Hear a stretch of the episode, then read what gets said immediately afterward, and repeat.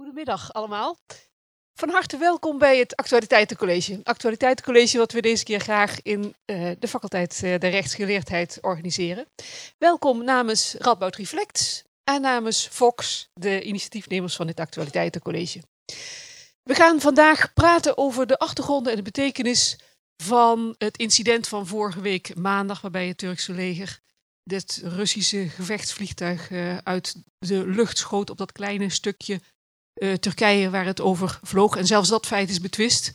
We gaan het hebben over de achtergrond hiervan. Welke conflicten zitten er achter dit hele grote probleem wat zich nu voordoet tussen de grootmachten? Wat zijn de implicaties daarvan? Hoe kijken we verder naar de toekomst van uh, dit conflict?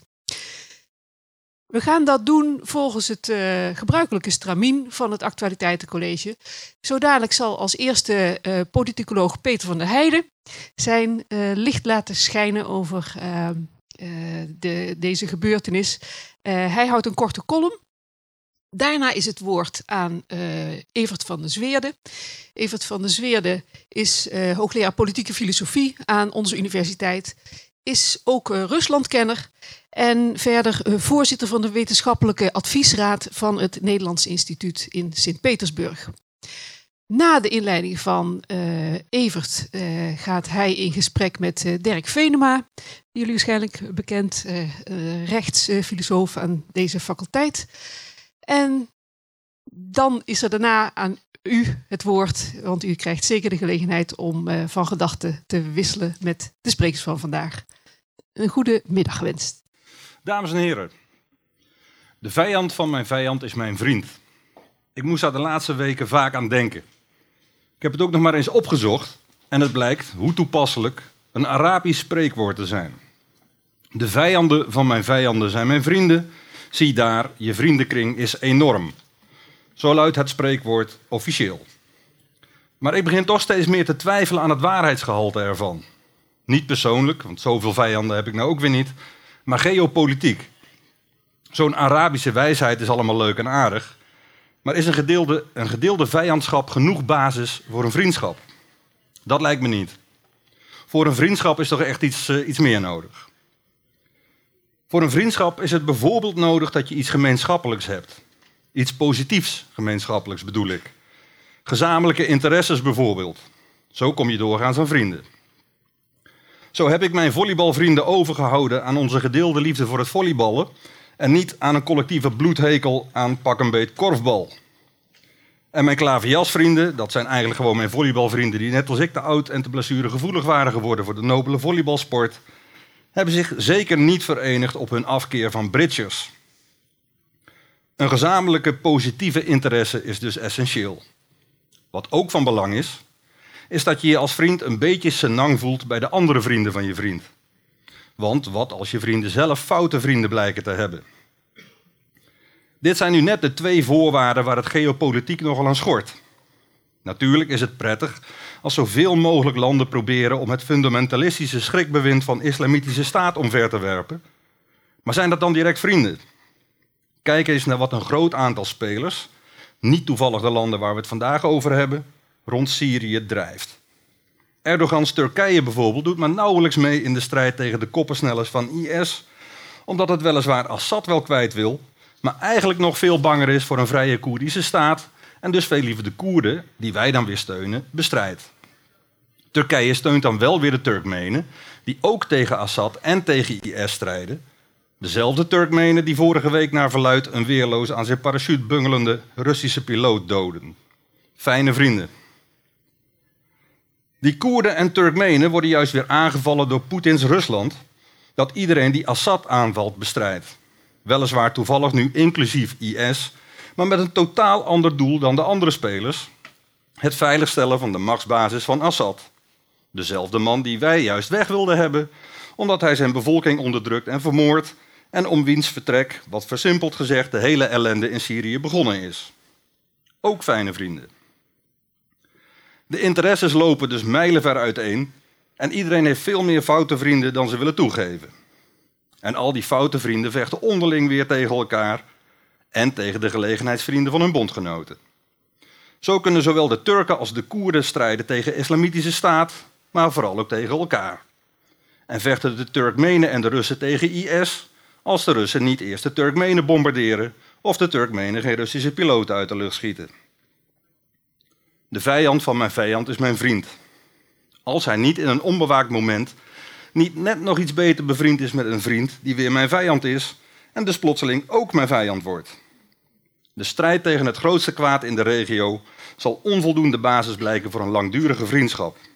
Al is het maar omdat er geen consensus is over hoe Syrië eruit moet zien als IS verslagen of verdreven is. Tenzij je genoegen neemt natuurlijk met zo'n opportunistische gelegenheidsvriendschap. Maar dan zal al heel snel blijken dat je met zulke vrienden echt geen vijanden meer nodig hebt. Dank u wel. Goedemiddag.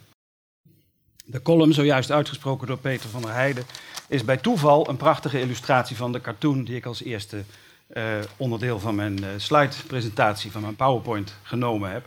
Een ring, een eigenlijk te krappe boksring met te veel boksers waarvan niet meer duidelijk is wie tegen wie vecht. En waarbij onder de toeschouwers twee mensen zijn die, waarvan de een tegen de ander zegt: Turkije en Rusland hebben zich afgezonderd van de rest, kennelijk om elders hun potje uh, vechten uit te voeren. En de andere vraagt dan: hoe kun je dat zien? Waar zie je dat aan? Het is kortom, het is één grote bende, één grote chaos.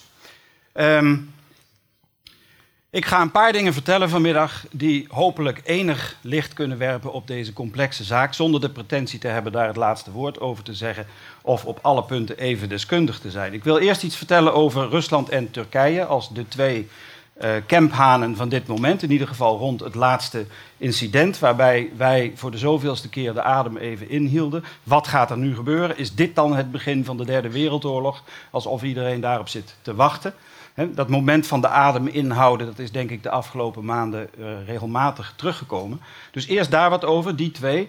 Dan ga ik wat meer vertellen over Rusland, omdat ik daar toevallig meer van weet dan van uh, Turkije. En ook omdat ik denk dat wij vaak, juist als het over Rusland gaat, een wat verkeerde inschatting van de positie en de belangen van uh, Rusland hebben, ook in de media in Nederland. Als derde wil ik kort ingaan op de vraag: wat moeten wij daar dan mee? Wat moeten wij? Uh, maar ik wil beginnen met twee korte opmerkingen vooraf. Ik denk dat het belangrijk is bij deze en bij vergelijkbare kwesties om altijd eerst te proberen de zaak te begrijpen en pas daarna te oordelen, laat staan te veroordelen. In de media gaat het vaak natuurlijk andersom. Er is eerst een emotioneel proces, daar, protest, daar wordt op ingespeeld en vervolgens wordt de analyse daarvan afhankelijk gemaakt. Ik denk dat je er goed aan doet om dat om te draaien. En een tweede opmerking. Um, ontleen ik aan een interview van de week in de Volkskrant met uh, Katelijne Broers, directeur van de Hermitage in Amsterdam, in de Volkskrant, um, waar, het, waar de titel boven stond: In Rusland leven ook gewone mensen. Je kunt het accent natuurlijk verschillend leggen daar. Dit is de Hermitage in Amsterdam en in Sint-Petersburg. Dit is mevrouw Katelijne Broers met twee heren, waarvan ik de andere heer niet ken. Maar de heer aan de rechterkant is genoegzaam bekend. Wat zegt Katelijne Broers? De vraag van de Volkskrant is: Rusland heeft 142 miljoen inwoners. U vindt het raar dat we zo'n groot land tot enkel Poetin reduceren. Waarop Katelijne zegt: Ik vind het pijnlijk. In Rusland leven ook gewone mensen. Die ook het hoofd boven water proberen te houden. Die zijn het ook niet eens met alles wat Poetin zegt. Ik zou daaraan toe willen voegen, iemand anders, en er zit er één op de eerste rij, zou over Turkije precies hetzelfde kunnen zeggen. Lang niet iedereen is het eens met wat Erdogan doet. Er leven daar ook gewone mensen die gewoon proberen het hoofd boven water te houden, zoals wij dat ook proberen. En ik zou dat nog wat sterker willen maken. Het is ook absurd en het is contraproductief om welk land dan ook tot zijn regering of tot zijn leider te reduceren. Turkije-Rusland. Op dit moment is de stand 1-1. Waarom? Turkije heeft gescoord. Het incident met de Russische Sukhoi 24 is 1-0 voor Turkije. Het NAVO-lid en de onmisbare regionale grootmacht heeft dus even laten zien dat ze, zich niet met, dat ze niet met zich laten sollen. Je kunt niet zomaar ongestraft over Turks grondgebied eh, vliegen. Maar Rusland heeft ook gescoord. Het incident met de Russische Sukhoi 24 is 1-0 voor Rusland. De reborn wereldmacht Rusland had al onpasseerbaarheid afgedwongen door de Krim te annexeren.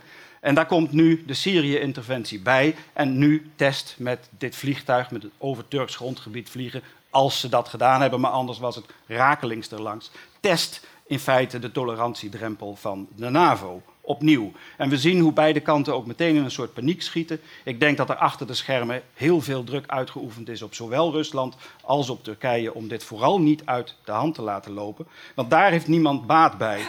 Zolang, en ik sluit even aan bij de column van daarnet, zolang de verdeling van vrienden en vijanden nog niet uitgesorteerd is. 1-1 Rusland en Turkije, maar tegelijk 0-0.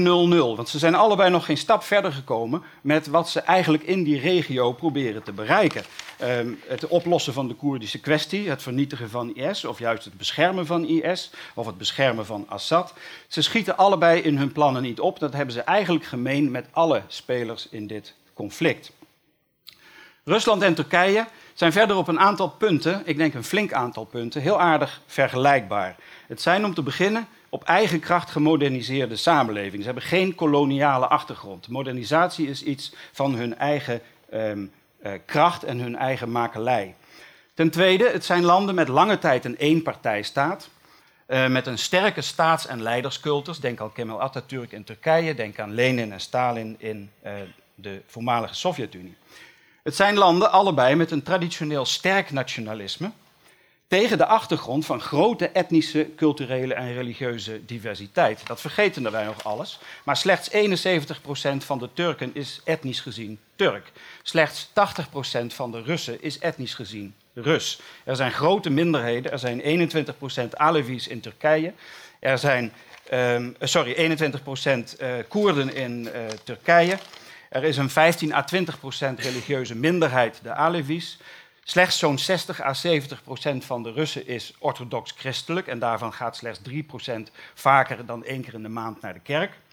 Um, Rusland heeft een grote islamitische minderheid, minimaal 6,5 procent, maar schattingen lopen uiteen, maar de meeste schattingen zitten eerder rond de 9 à 10 procent van de bevolking. Um, in beide gevallen staat dat nationalisme dus tegen een juist heel diverse achtergrond. Waarschijnlijk is dat ook de verklaring van dat nationalisme. Het zijn geen van beide echte wereldmachten, zoals de VS en China dat wel zijn, maar het zijn grote landen met grote, goed georganiseerde legers. Het leger van Rusland in de negentiger jaren was een puinhoop, maar inmiddels is die puinhoop opgeruimd en is dat een zeer modern en slagvaardig leger. En Turkije staat al decennia bekend als een land met een zeer sterk leger. In beide gevallen een sterke koppeling van politieke macht en economische macht. Um, inclusief zelfs de persoonlijke economische macht en het vermogen van de politiek leider, van de president. In het geval van Rusland, de belangrijkste machtsbasis van Poetin is.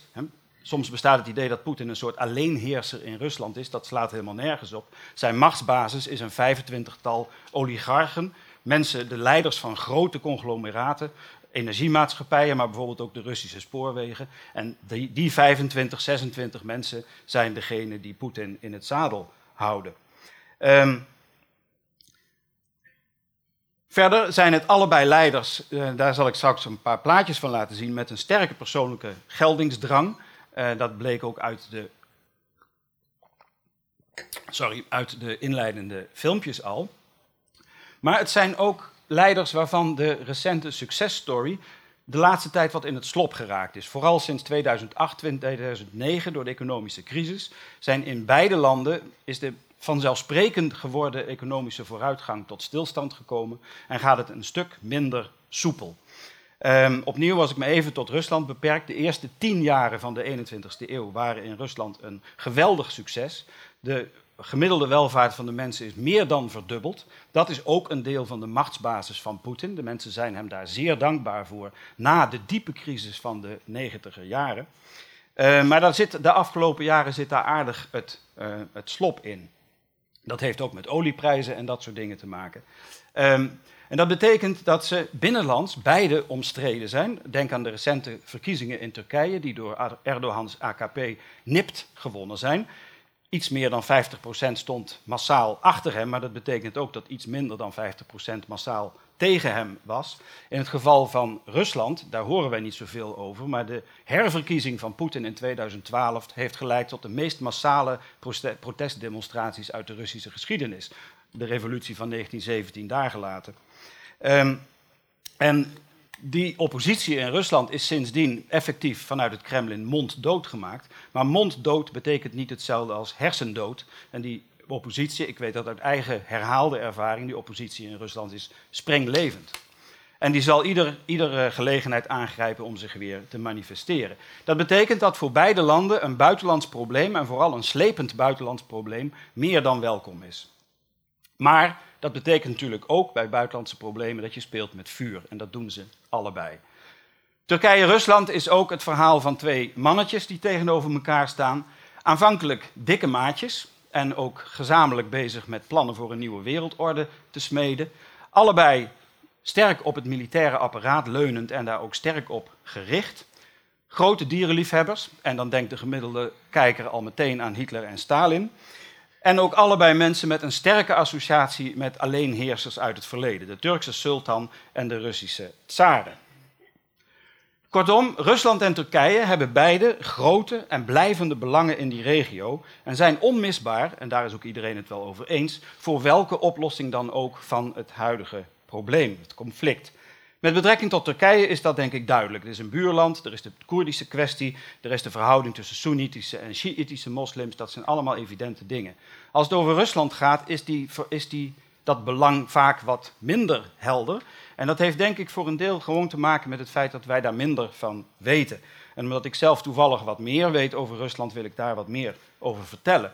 Want misschien als dat met betrekking tot Turkije duidelijk is, is de onduidelijkheid met betrekking tot Rusland ook een deel van de verklaring van de grotere angst die wij op dit moment hebben. Het idee van wat gaat hij vervolgens doen, die Poetin? Wat wil hij eigenlijk? Wat is zijn uiteindelijke plan? Dus ik wil wat nader ingaan op Rusland in de vorm van een paar, in totaal een vijftal punten of aspecten die eigenlijk in losse volgorde naast elkaar staan. Ik had er nog meer kunnen noemen, maar daar zie ik van af. De eerste is olie en gas. De Russische economie is nog steeds afhankelijk, veel mensen zeggen veel te afhankelijk van de export van ruwe grondstoffen en dus erg kwetsbaar voor de wereldwijde olie- en gasmarkt. De macht van de Russische energiemaatschappijen, met name Gazprom, waar Poetin zelf ook de sterkste banden mee heeft, is groot, zeer groot. Maar hou in de gaten voor de toekomst, Rusland is aan het diversifiëren. Rusland levert een kerncentrale aan Egypte, Rusland gaat er twee leveren aan Jordanië en Rusland zit in een consortium dat kerncentrales gaat leveren aan Saoedi-Arabië. Want ook in Saoedi-Arabië weten ze inmiddels, die olie, dat houdt ooit op. Um, en tenslotte de conflicten in de Zuid-Caucasus, wat net buiten Rusland ligt, en in de Levant, Libanon en Syrië, die gaan juist ook over de controle van exportlijnen en pijpleidingen. Bijvoorbeeld het conflict tussen de zogeheten Nabucco pijpleiding, die staat hier in het rood aangegeven, en de South Stream, die staat in het zwart aangegeven. Waar Rusland bang voor is, dat is dat die rode lijnen die op dat linkerkaartje staan, dat die zich ontwikkelen en dat die een stabiel geheel vormen zonder dat Rusland daar enige greep op heeft. Dat zou betekenen dat alle olie uit Irak, uit Koerdistan, uit Syrië, uit Saoedi-Arabië via Turkije naar Europa gaat en niet meer onder door Rusland gecontroleerd gebied valt. Dat door het gebied waar die leidingen doorheen lopen, dat is met name dat gebied hier, als het over Irak en Syrië gaat. En dat is precies het gebied waar IS zit. Daarom heeft Rusland ook een heel groot belang bij wat er met IS gebeurt en hoe zich dat daar ontwikkelt, wiens bondgenoot dat is.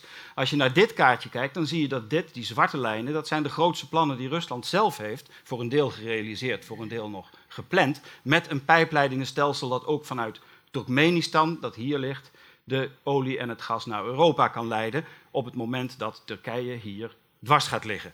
Je ziet hier die drie Zuid-Kaukasische republieken, Georgië, Armenië, Azerbeidzjan. Uh, die zijn wat dat betreft ook van cruciaal strategisch belang voor Rusland. Dat zijn voormalige Sovjet-republieken die nu zelfstandig zijn en waar in feite de NAVO en Rusland ook over aan het bakkeleien zijn. Tweede punt is de strategische positie van Rusland. Um, ik zal daar snel doorheen gaan. Rusland is in de loop van de geschiedenis altijd een uitdijend en inkrimpend territorium geweest. Het heeft nu zijn kleinste omvang, zou je kunnen zeggen, en die is weer aan het groeien. Rusland wil traditioneel bufferzones, ten einde niet te veel aan de NAVO te grenzen. Oekraïne is zo'n bufferzone. Inmiddels grenst Rusland op veel meer plekken aan de NAVO dan Rusland zelf prettig vindt. Hun traditionele angst is die voor omsingeling. Dat is de belangrijkste reden waarom ze de Krim ook echt bij Rusland wilden houden. En niet het risico wilden lopen dat daar een NAVO-basis uh, gebouwd zou worden. En Irak en Syrië en Daesh of IS zijn voor Rusland veel dichterbij dan wij denken. En ook veel dichterbij dan voor ons. Ik zal daar heel kort wat over zeggen. Ehm, dat komt zo dadelijk terug, maar ik vrees dat ik dat moet gaan overslaan, dus ik hou dat wat korter. Ehm, het zuidelijkste puntje van Rusland ligt geografisch gezien ter hoogte van Madrid.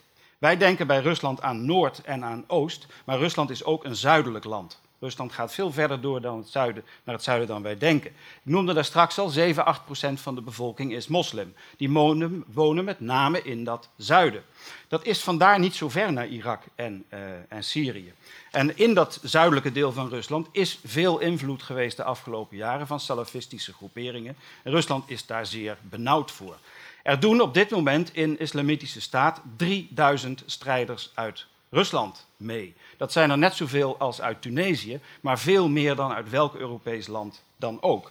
Dus het is niet zo vreemd dat Rusland daar een bepaalde huiver heeft.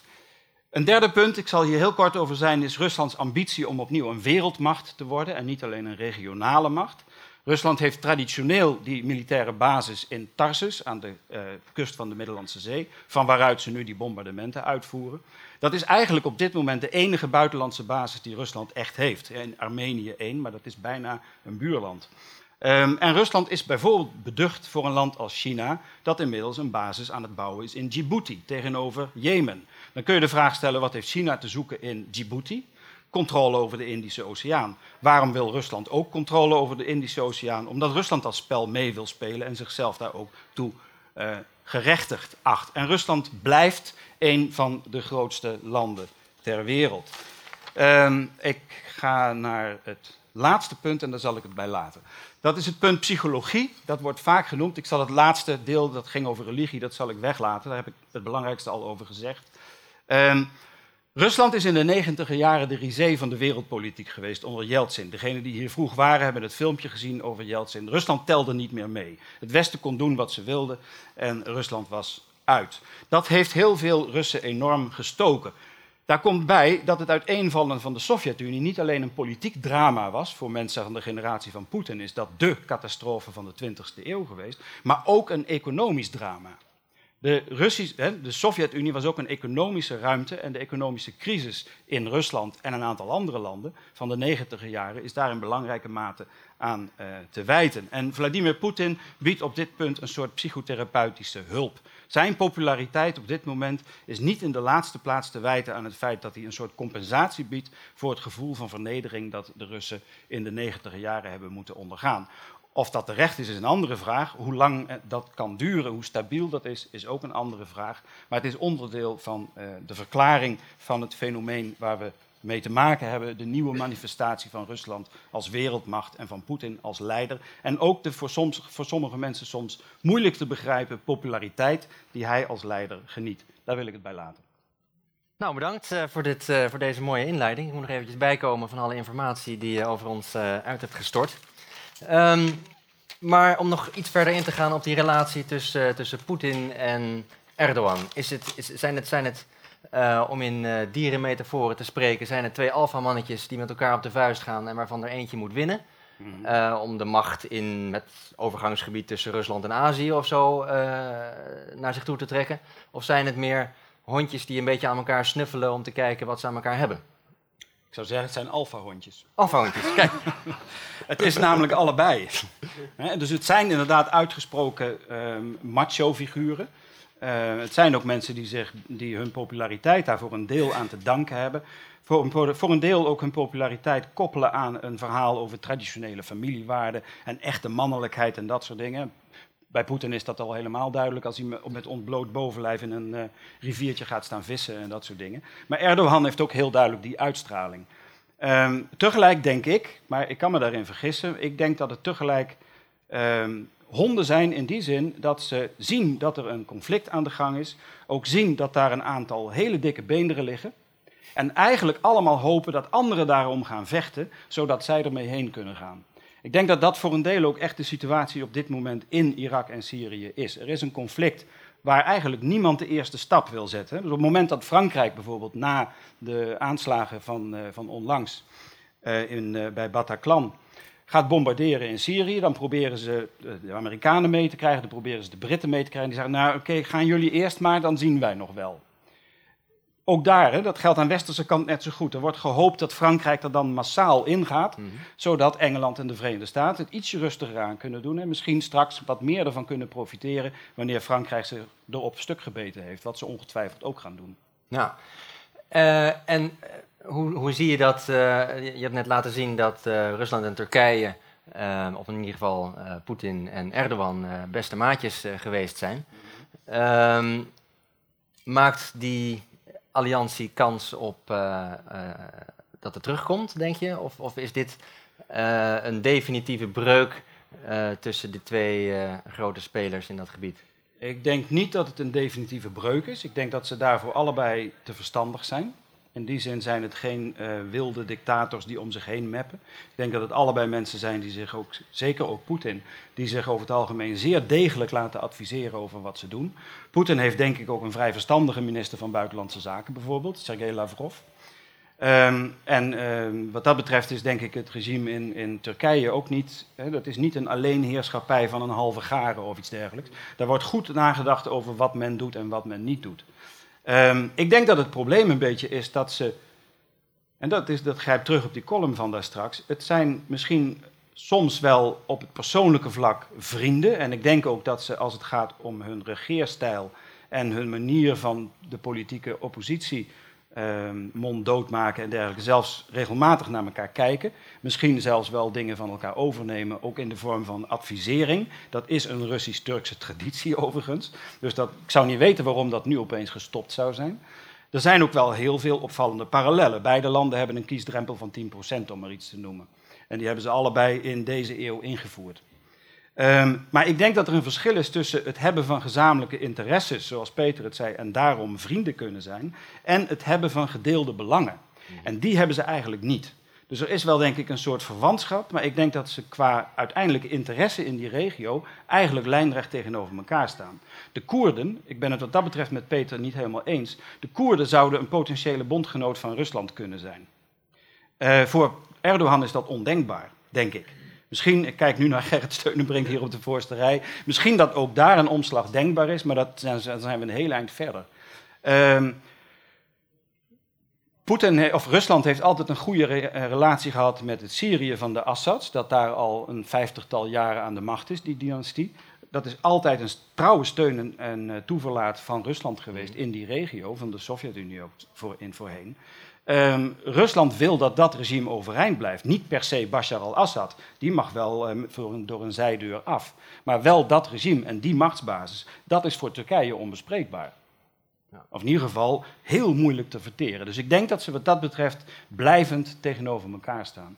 IS is ook niet de, per se de natuurlijke vijand van Turkije. hè. Rusland beschuldigt ze er op dit moment van dat ze er zelfs enorm van profiteren.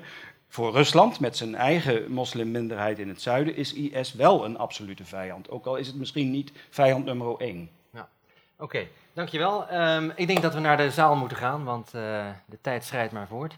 Dus eh, ja, u bent aan het woord. Eh, heeft- heeft u een vraag, een opmerking? Dan graag. Ja, hier vooraan. Dank je voor je heel duidelijke en goede verhaal. Ik heb een vraag, eh, naar aanleiding van ook wat ik zelf de laatste tijd in de kranten gelezen heb. In hoeverre is het mogelijk dat eh, de Russische interventie in Syrië een soort wisselgeld oplevert voor een vrije hand eh, omgang met de Oekraïne? Zodat die twee dingen tegen elkaar uitgespeeld worden, als het ware. Dat vind ik een hele goede vraag. Ehm, ik denk dat de. Er wordt vaak van Poetin gezegd: het is geen strateeg, het is een tacticus. Hij reageert iedere keer op de nieuw ontstane situatie. En ik denk dat als je naar de afgelopen vijf jaar kijkt, dat hij een aantal keren, Oekraïne is daarvan een voorbeeld, interventie van Syrië, in Syrië ook, ehm, probeert wisselgeld te creëren. Ehm, en als hij erin slaagt om zichzelf onmisbaar te maken in Syrië, dan zal de NAVO de eerste zijn die hem vergeeft dat hij Oekraïne oprolt. En ik denk het is wat mij betreft sowieso ondenkbaar dat bijvoorbeeld Duitsland om Oekraïne een oorlog zou gaan voeren.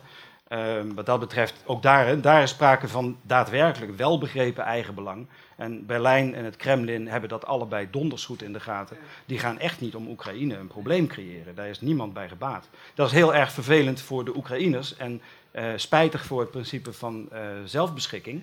Eh, maar dat gaat niet gebeuren. Ehm, dus ik denk dat Poetin wat dat betreft, en ja, je kunt wat je verder ook van hem vindt, en je hoeft hem niet uh, te, te, waarderen of iets dergelijks, maar hij is er bijzonder handig in geslaagd om zichzelf echt onmisbaar te maken. In vijf jaar tijd heeft hij zichzelf op het wereldtoneel weten te poneren als iemand waar niemand omheen kan. En dat is knap.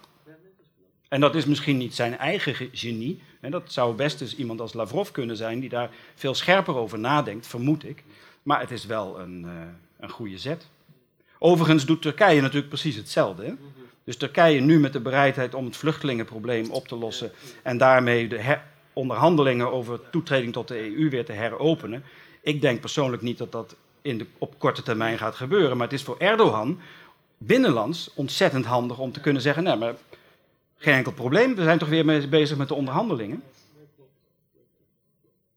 Dus wisselgeld is denk ik. Ik denk dat ze wisselgeld aan het stapelen zijn um, dat klaar ligt voor het eventuele grote gevecht. Ja, daar is nog een vraag. Hey, uh, ik heb ook een vraag. Um, de banden tussen Rusland en uh, Turkije die worden nu op dit moment uh, stilgelegd, bijvoorbeeld ja. in, in, de industrie. En bijvoorbeeld in januari, voorheen kon je zonder visum uh, van Turkije naar Rusland gaan. En op dit moment is dat ook stilgelegd, of uh, de plan, dat zijn de plannen. Ja. Voor welk land gaat het eigenlijk de meeste consequenties opleveren? En wat is het doel eigenlijk daarvan? Ja, dat is een... ten eerste denk ik dat ook dat valt onder die categorie wisselgeld.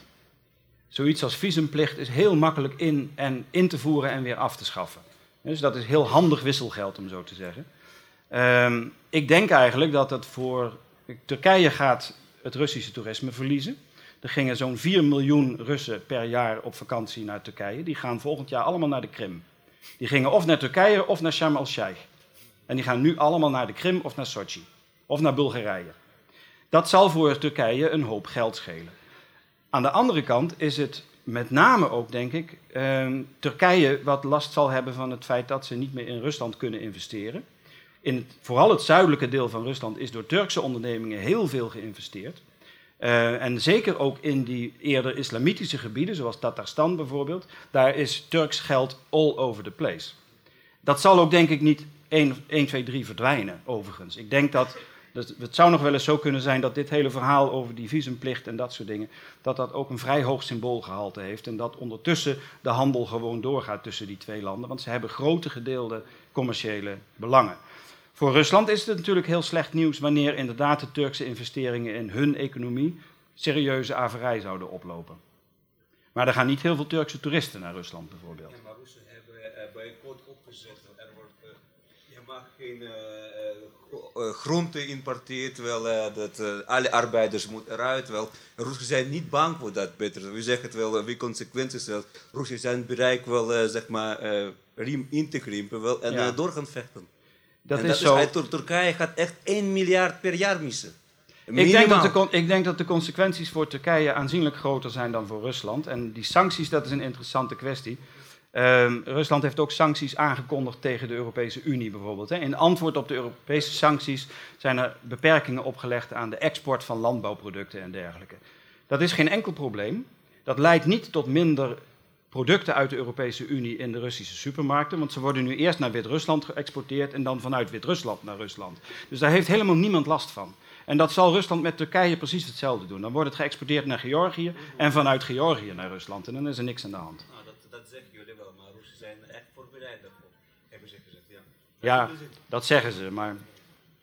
Ik denk dat Poetin, eh, voor wat betreft zijn binnenlandse populariteit, echt een groot probleem zou krijgen wanneer de Russen de uh, welvaart die ze de afgelopen jaren ontwikkeld hebben echt zien slinken. Dat zal hem niet helpen. Oké, okay, maar als jullie hebben opgemerkt wat in 1941 de Tweede Wereldoorlog opgestaan, wel, de Russen kunnen zichzelf heel goed mobiliseren. Wel. En het enige wat de risico op staat, wel, vanwege de dreiging wel. Ja. En uh, ik heb net gelezen, de Russen hebben nu 7000 mensen aan Armenische-Turkische grenzen nu gestationeerd. Wel. Wij moeten echt voorbereiden voor de grote oorlog. wel. En nu komt de vraag wel, hoe, hoe diep eh, Nederland is bereid wil om te gaan vechten. wel. Ja. Want als dat Nederland gaat doen, wel, dan moeten jullie rekening houden, want de gaat hier ook bovenop vliegen. Jullie, is, jullie zijn er klaar voor? We zullen zien eh, hoe dat zich eh, gaat ontwikkelen. Maar misschien eerst nog even andere vragen over andere thema's. eh, Dat is een hele goede vraag. voordat. Het is een, uiteraard een belangrijke kwestie, maar misschien zijn er nog andere. Daar helemaal Nee, achteraan is iemand. vraag. Ik, heb, Oh, eh, ik vroeg me Daarachter af ook nog, maar... in hoeverre het eigenlijk vanuit Turks perspe- perspectief te rechtvaardigen is dat het vliegtuig neergehaald is. En dan heb ik het er niet over dat het vliegtuig dan bijvoorbeeld eh, ja, gewaarschuwd is voordat het zeg maar, neergehaald is, maar meer in de zin van eh, de hoge ehm, dreigingen vanuit de buurlanden en dan ook de BKK en eh, eh, IS dus. Ja, en wat, wat is precies je vraag? Nee, zeg maar dat zij er sneller eh, op gereageerd zouden hebben dan bijvoorbeeld dat in Nederland is gebeurd, eh, Mhm. gezien de geopolitieke eh, positie van Turkije. Ja, ik denk. Kijk, we zullen niet zo heel snel weten of dat vliegtuig nou daadwerkelijk boven Turks territorium gevlogen heeft of niet. Gevlogen heeft, gevlogen heeft of niet. Dat is denk ik iets wat nog echt uitgezocht gaat worden. Beide kanten beschuldigen elkaar daarvan valse informatie, et cetera. In ieder geval, daar ga ik niks over zeggen. Wat ik wel denk, is dat mensen gelijk hebben die zeggen... Turkije heeft wel erg snel en erg scherp gereageerd. Want er zijn ook een heleboel andere manieren waarop je een vijandig vliegtuig boven jouw luchtruim weer terug kunt sturen. Vroeger kwamen er Sovjetvliegtuigen boven Noorwegen vliegen en dergelijke. Dan stegen er vier, Russische, of eh, vier Noorse vliegtuigen op. En die vlogen, gingen dan een soort cordon vormen. En dan begeleidden ze dat vliegtuig netjes weer terug naar het Sovjetluchtruim. En deden alsof er niet echt wat aan de hand was. Met onderzeeërs deden ze precies hetzelfde. Dus deze reactie van Turkije is een erg felle en erg scherpe. Wat mij persoonlijk doet vermoeden dat Turkije ook heeft, laten, heeft willen laten zien van... hé, hey, pas op, dit doen we hier niet. Helemaal achterin was eh, ook nog net een opmerking of vraag. Eh goeiedag. U hebt wel ge- geverifieerd naar IS hè, en de, betrokkenheid eh, van de regio, zeg maar. Maar ik, ik ga even een, ongeveer tien jaar terug. Die informatie die uitgelekt in Amerika. Na de Koude Oorlog was voorbij. Was eigenlijk de plannen om eigenlijk oorlog, of eigenlijk de enige vijand die dan voor de Amerikanen is ontstaan, is de islam. En die zou natuurlijk wel in, in plannen zeg maar neerzetten om eigenlijk min of meer hè, eh, eh, naar de Koude Oorlog als enige vijand zeg maar, te beschouwen en dat te bestrijden. Eh, eh, vervolgens was eh, eh, die oorlog tegen Irak, maar natuurlijk wel eh, onwaar eh, gronden heeft, zoals iedereen dat Mhm. weet. En nu wat gaande in de regio eh, is, en met alle redenen van dien ook. Ziet u dat als het ook in het Arab, wat Arabische wereld eigenlijk gebeurt, is het eigenlijk oorlog tegen de islam, hè, met alle redenen van dien omkleed? Of is inderdaad wel een, een, een, onrust eh, in de regio die veroorzaakt door eh, radicalisering? Met, een, een, eh, met de gedachte te laten reizen over het kaart van Israël, die, die grote Israël, die dan vanuit Irak tot aan Nijl is ook gelekt. dat het vervolgens plaats zou vinden. En ook de gevolgen wat daarvan, ook verzwakking van het Iraakse leger en ook Syrië en ook Egypte komt aan de buurt en Jordanië, die bij betrokkenen. Zeg maar dat om Israël heen eigenlijk verzwakking eh, is van die landen, van Arabische landen, waardoor wellicht die kaart ook een werkelijkheid plaats kan vinden. En IS eigenlijk, en de leiderschap van IS is ook onbekend. En dan die sterkte van IS opeens zo massa eigenlijk een vijand is voor het Westen. Wie, wie leidt dat, die, die, die, die mensen? En, en, en is het zo dat het oorlog op de islam is en er wordt allerlei redenen voor gebruikt? Ehm, Dankjewel. Dat is een heel ingewikkelde vraag. Het zijn denk ik minstens zeven vragen tegelijk. Die ga ik ook niet allemaal beantwoorden. Waar de vraag op wijst in die complexiteit is denk ik... dit is een situatie waarin een aantal lagen echt door elkaar heen lopen. Ehm, en soms heb ik het gevoel dat zowel de Amerikanen of de NAVO eh, als Rusland... eigenlijk een voorkeur hebben voor het soort situatie dat in de Koude Oorlog bestond. Eén duidelijk aanwijsbare tegenstander waarvan je tegelijk weet dat die nooit echt aan zal vallen.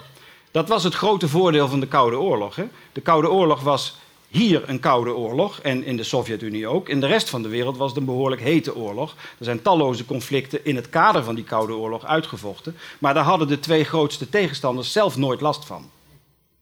Uh, en dit is een ander soort situatie. Dus ik denk, ik denk eigenlijk dat het, het, er is meer dan voldoende conflictstof in het Midden-Oosten. Uh, Israël-Palestina is één van de dingen, maar olie is een ander ding. Een derde ding, wat nu nog helemaal niet genoemd is, maar wat denk ik ook heel belangrijk is, is water. Niet voor niks wordt gezegd dat de vluchtelingenstroom op dit moment, waar Europa mee te kampen heeft, het indirecte gevolg is van de stuwdammen die onder andere Turkije heeft aangelegd in de grote rivieren waar dat gebied mee bevloeid wordt. Dus de mensen sterven daar van de honger, plat gezegd, omdat Turkije het water aan de eigen kant van de grens houdt. Misschien om hun eigen Koerden bijvoorbeeld betere perspectieven mee te bieden, dat kan zijn. Maar ook dat, dus er is een economische component, er is een geografische, geologische, ecologische component als je wilt. Er treedt massale verwoestijning op in dat hele gebied. Er is olie en gas. ISIS, IS zit bovenop zeer rijke olievelden. En dat weet ook iedereen. Eh, dus de controle over die olie is een andere, andere kwestie. Islam speelt daar een rol, maar islam is niet eenduidig. De islam bestaat niet. Je hebt in ieder geval Sjiïtische, Soenitische islam, maar nog een heleboel andere groeperingen. En per groeperingen, zowel zeer vredelievende als zeer militante, geradicaliseerde, et cetera. Dus ik denk dat islam is sowieso volgens mij niet het onderwerp. Maar dat is een onderwerp voor een hele andere discussie. Eh, maar ik denk dat wat je nu ziet in deze situatie is dat, en dat sluit helemaal aan bij de column waar Peter van der Heijden mee begon, niemand ziet hier echt hoe die zou moeten opereren. Dus niemand kan ook echt een strategie ontwikkelen. En soms lijkt het, en dat is eigenlijk slecht nieuws, alsof iedereen wacht tot dan de bom maar barst en de zaken zich vanzelf gaan, eh, gaan uitsorteren en duidelijk wordt wie dan wiens vriend en wie wiens vijand is. Eh, op dit moment is het volgens mij een soort herhaalde padstelling waarbij ook iedereen steeds, alle betrokkenen, niet echt de volgende zet durven eh, te zetten. En de enigen die daar echt van profiteren op dit moment zijn misschien tot op zekere hoogte de Koerden, in ieder geval de Syrische Koerden, eh, en IS zelf. En op de vraag, dat was deel van uw vraag, van waar zit die, eh, die, dat leiderschap? Bij mijn weten is het zo dat IS geleid wordt door voormalige militairen van het regime van Saddam Hussein. Dat verklaart ook waarom ze militair zo effectief zijn en zo ongelooflijk handig in hun internationale strategie. IS heeft enorm belang bij het internationaliseren van hun conflict. Hoe meer landen daarbij betrokken raken, hoe beter het voor hen is, want die gaan dan onderling vechten. Goed, dankjewel. Ehm het is eh, tijd, we moeten het hierbij laten. Ik wil, wil u nog opmerkzaam maken op de, het actualiteitencollege van morgen. Dat is in het Erasmusgebouw. Dat gaat over Brussel en de dreiging van terrorisme. Ehm, en dan wil ik eh, eh, Evert en Peter natuurlijk nog bedanken voor hun mooie bijdrage.